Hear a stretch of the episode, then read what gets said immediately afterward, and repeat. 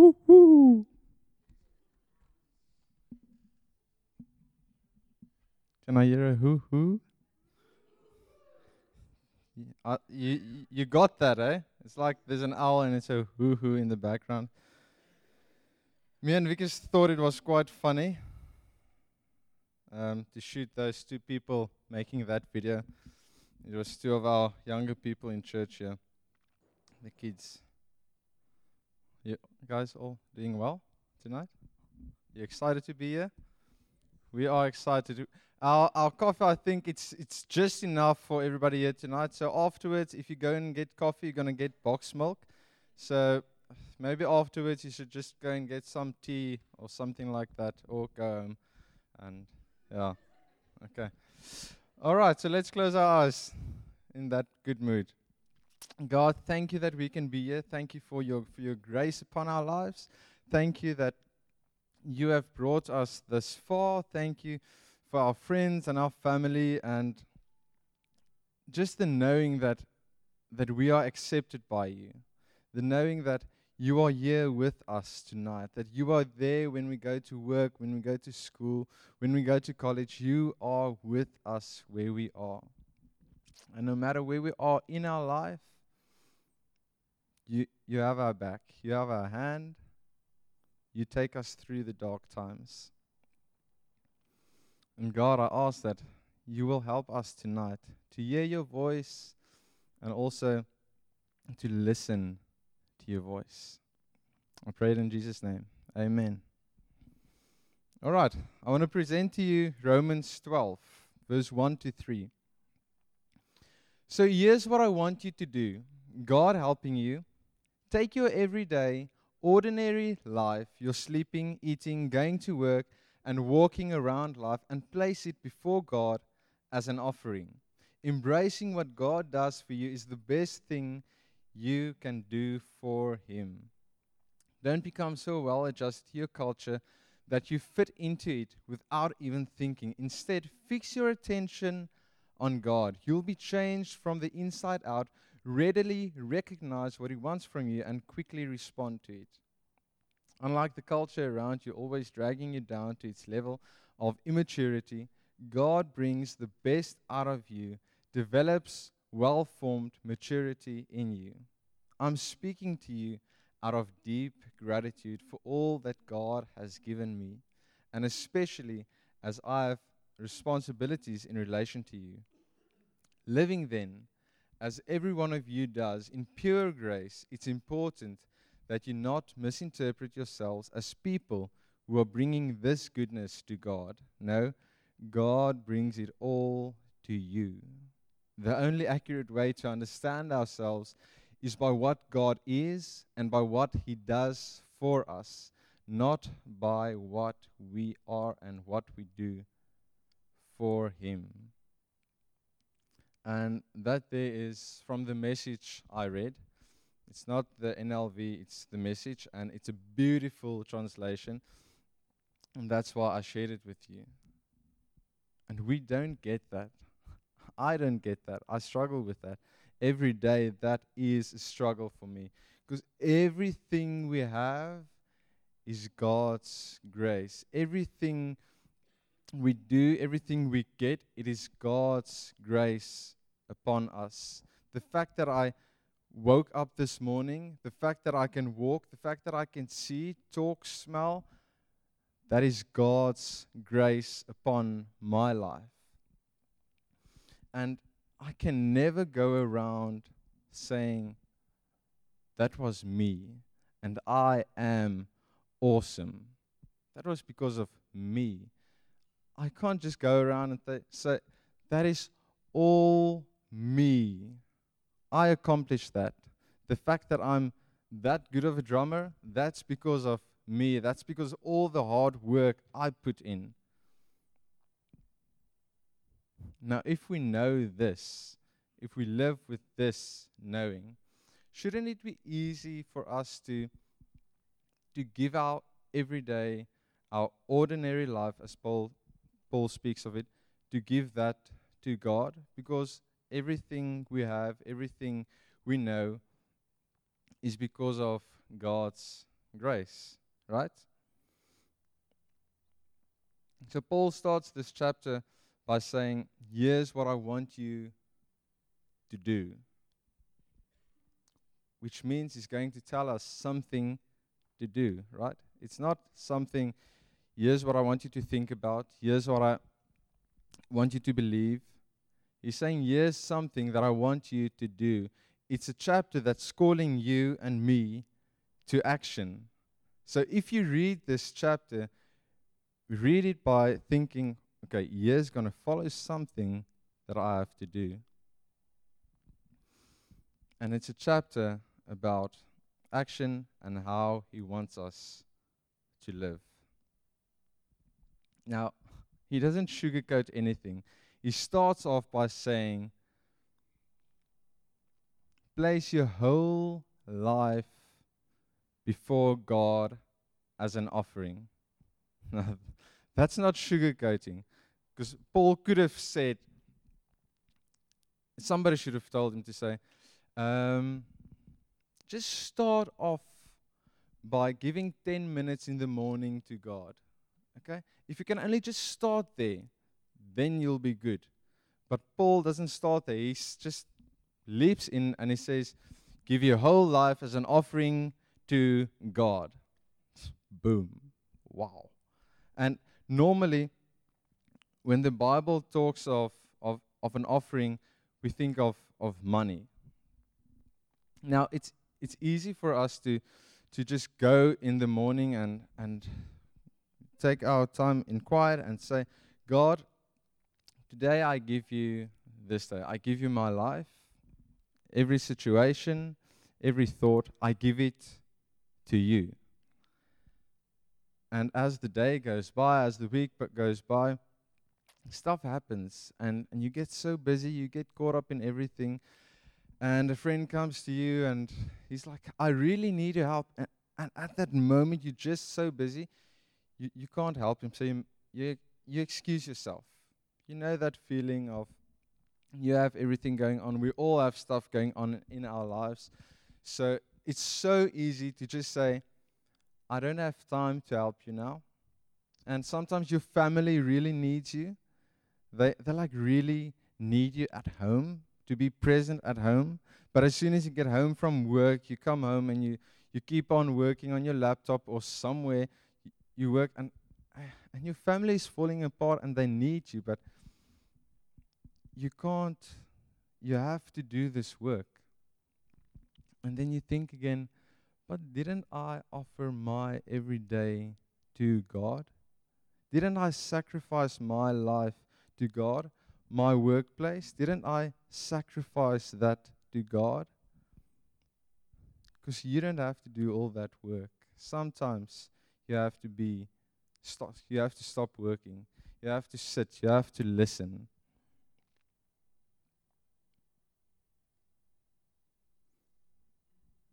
And we like to help others when it suits us. We'll easily make our hands dirty when it suits me. And to come back to when the Bible talks about money, Paul's issue is much bigger. It's, it's asking much more it's it's easy to give money. It's easy to put your hand in your pocket and throw a five rand in the offering basket. It's easy to go on the road and just, you know, oh, here's a two rand, give it to the guy. it's easy. And sometimes when it comes to the end of the month, you know, that last five days, you're watching your money very closely and you're thinking, oh, now I can't give because now I have to I have to still buy some perfume or or maybe I still have to buy some stuff. So so I can't give my money to the church to, to a guy on the street. I can't give my money away at that moment. And Paul is not asking us to give money he's asking us to sacrifice our whole life our being who we are to sacrifice back to God. And this we don't like. We don't agree with this because Do you ever hear people say, God, thank you for, for the job that I have?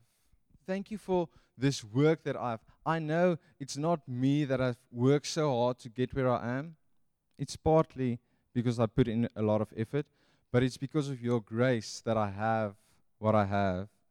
If you have a husband or a wife, it's not because of you that you have your husband or your wife, it's God that put that person in your life. And you should say, Thank you, God, for my beautiful husband. Thank you for my beautiful wife that you gave me and help me to be the best possible for that person. Now, you get those people who sometimes ac- accept gifts, and sometimes you get those who don't accept them, who like, they take it, but they don't know what to do with it because they're afraid something is going to happen. So if I give you like this, what do I give you? An iPhone 4. And you're just like, uh, this is unbelievable. Like, uh, I'm really afraid to use this because I'm just using an iPhone 4 because I got an iPhone 4 as a gift. And rather than use it, because I have a phone, I just kept it safe somewhere so that it doesn't break or anything like that. So I kept it safe. And I use it now. I do use it now. I enjoy the phone now. I really I do enjoy the phone now. But it, it laid there for like I think probably almost a year. And so, some people thought it was like a waste of a gift. And it was probably because it just laid there. But anyway, I'm losing my point. I want to talk to you about embracing the gift. The next point that Paul is talking about is embracing the gift. Now, he's, he's talking about embracing that which God gave you. Now, God gave you life. God makes it possible for you to take a step. God makes it possible for you to breathe, for your lungs to go in and out.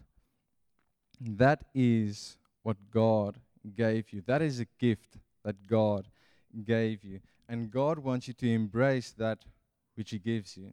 And when you embrace it, God smiles. C- can you see Him? That gift He gave you, you know what it is. I don't know your gifts, I don't know your talents, I don't know how you spend your time. But when you use it and embrace it and give thanks to Him, can you see how God is smiling from, from ear to ear? Because sometimes we try so hard to impress God, doing stuff, showing other Christians how great of a Christian I am. You know, I'm attending church five times a week. I'm praying every single day. I'm praying twice every single day. And we give money and and we feel good about ourselves. We volunteer at certain places and and we say we don't only give money, we, we volunteer as well. I mean, what will the people have done without me? And we get this big shoulders and this chest, and we think we are amazing. And as Christians, we go to church and, and we see it all the time. You know, as as pastors and as church leaders, we can't ask people a lot of things. We can't ask people a lot of money because even that is asking too much sometimes. Because I know you can leave anytime you want. You don't have to stay here all night. You don't have to join this church. You don't have to join this community. You don't you can do whatever you like. So it's not easy for us to ask you something. We like to be, I call it, comfy. If you don't want to hear something, you can you can leave and you can do something else. Comfy I see as you know, sitting in the bed, watching series, it's raining outside, drinking hot chocolate, we like being comfy. covered in a blanket, while somebody is out there who can use your hands. Your hands might be able to use useful for something. Somebody can use your time. Somebody can use your money. Somebody can use you. You can be something for somebody. How do you embrace the thing that God gave you? The dictionary explains embrace as enthusiastically receiving. It's a beautiful picture. Eh? It's like you get a gift and you you're like excited. You're like out of yourself and you're just like, "What? I got this gift!" And you you're like immediately taking it and you're looking and you're like exploring and you're showing it to everyone. I know some people like that. I'm sure you also know some people when, when they get something, they're like jumping up and down and they're like excited. Woo, I got this new gift. And they share it with everybody. And, and that is what God wants us to do with the gift He gave us the gift of life. Now, it reminds me of the story in, in Matthew where, where there was a master and, and, his three slaves. And, and the story goes the master is going to leave town for a moment and he gives the three slaves different amounts of money. The, to the one he gives three, to the other one he gives two, and to the other one he, he only gives he gives one piece of talent, which they called it. Now, the two got three and two pieces. They doubled their money, and the one who got one, he he just kept it safe. He felt that was the best thing to do at the moment. He kept his money, his talent, he kept it safe. So when the master came back eventually, I don't know how long it took, but he came back and and the slaves were there and they were like excited. I, am sure they were. All three of them were excited because the one doubled it to six, the other one doubled it to two, and, and the master was so chuffed with them. He was like, wow, that is amazing. I love what you did with your money. I love what you did with that talent of yours because I gave you something and you embraced it. That's beautiful. And when he came to the one with, with the one talent, he was like, so what did you do? And he said, well, master, I, I buried it. I kept it safe for you because I know you were to come back. And I was, I was too afraid of losing it. And so, yes, yes, it's back for you. And the Bible says he was furious. He did not enjoy the fact that that guy buried the money. He did not enjoy the fact that this guy did not embrace the talents that the master gave him. Now, this guy really thought it was a good idea at the moment. But the master, you wanted him to live. You wanted him to use that, what he got. You wanted him to embrace that which the master gave to him. Now, Jesus wants you to live. He gave you something. You know what He gave you. He gave it to you not to keep it safe somewhere, not to put it there aside on the shelf, till one day, you know, one day we'll go to heaven. One day we'll die. One day your pain and your sorrow will be gone, and one day we'll go to heaven. But today, Jesus is talking about now. Jesus is talking about living now with that what you got. Use it. The talents which you got, the gifts that you got, He's asking you to use it now, to embrace the gifts, to trust in Him that you will use it correctly. Today you have to use that which Jesus gave you. The best thing, according to Paul, to do is embracing what God gave us. I'm going to read you Colossians 2. My counsel for you is simple and straightforward. Just go ahead with what you've been given. You received Christ Jesus the Master. Now live in Him. You're deeply rooted in Him. You're well constructed upon Him. You know your way around the faith. Now do what you've been taught. School's out. Quit studying the subject and start living it, and let your living spill over into thanksgiving. Can you hear it? Oh, I see. Uh, school's out, people. The bell has rung. Jesus was dead, but he's alive again. He stood up from the dead. Do we get it? We don't get it. Because we sit every day and we think, wow, this is a difficult day. What am I going to do? We have Jesus. Jesus showed us that death is already won. We don't have to fear. We have to trust in Jesus now because you are not dead today. You are alive, okay? And you still have time to do something. You have still have time to make a difference. And God is asking you to not one day, but today, embrace the gift. Embrace Jesus. Jesus didn't die for one day.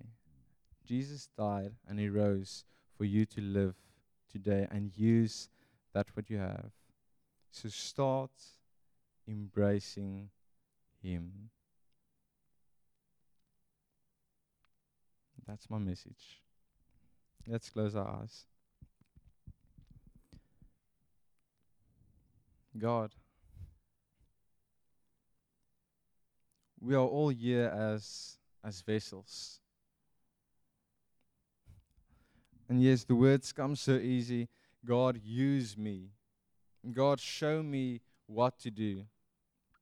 And sometimes when it comes, when you speak, that soft voice in our heads, when you tell us to do something, we can't. Because we are comfy. And we are not supposed to be comfy, and we know that. But God, I ask you that you will every day challenge us. Because you do. You challenge us. We are challenged. But God, thank you that we can do anything. Thank you that all things is possible through you. And thank you that we can live in you.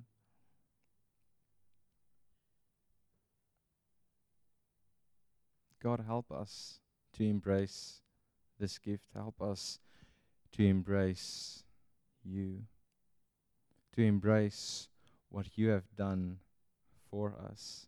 Because the moment we do that, the moment we start embracing you, is the moment we will lose ourselves. It's the moment that we won't care what we do, what we say, that's the moment we know it's all about you. Amen.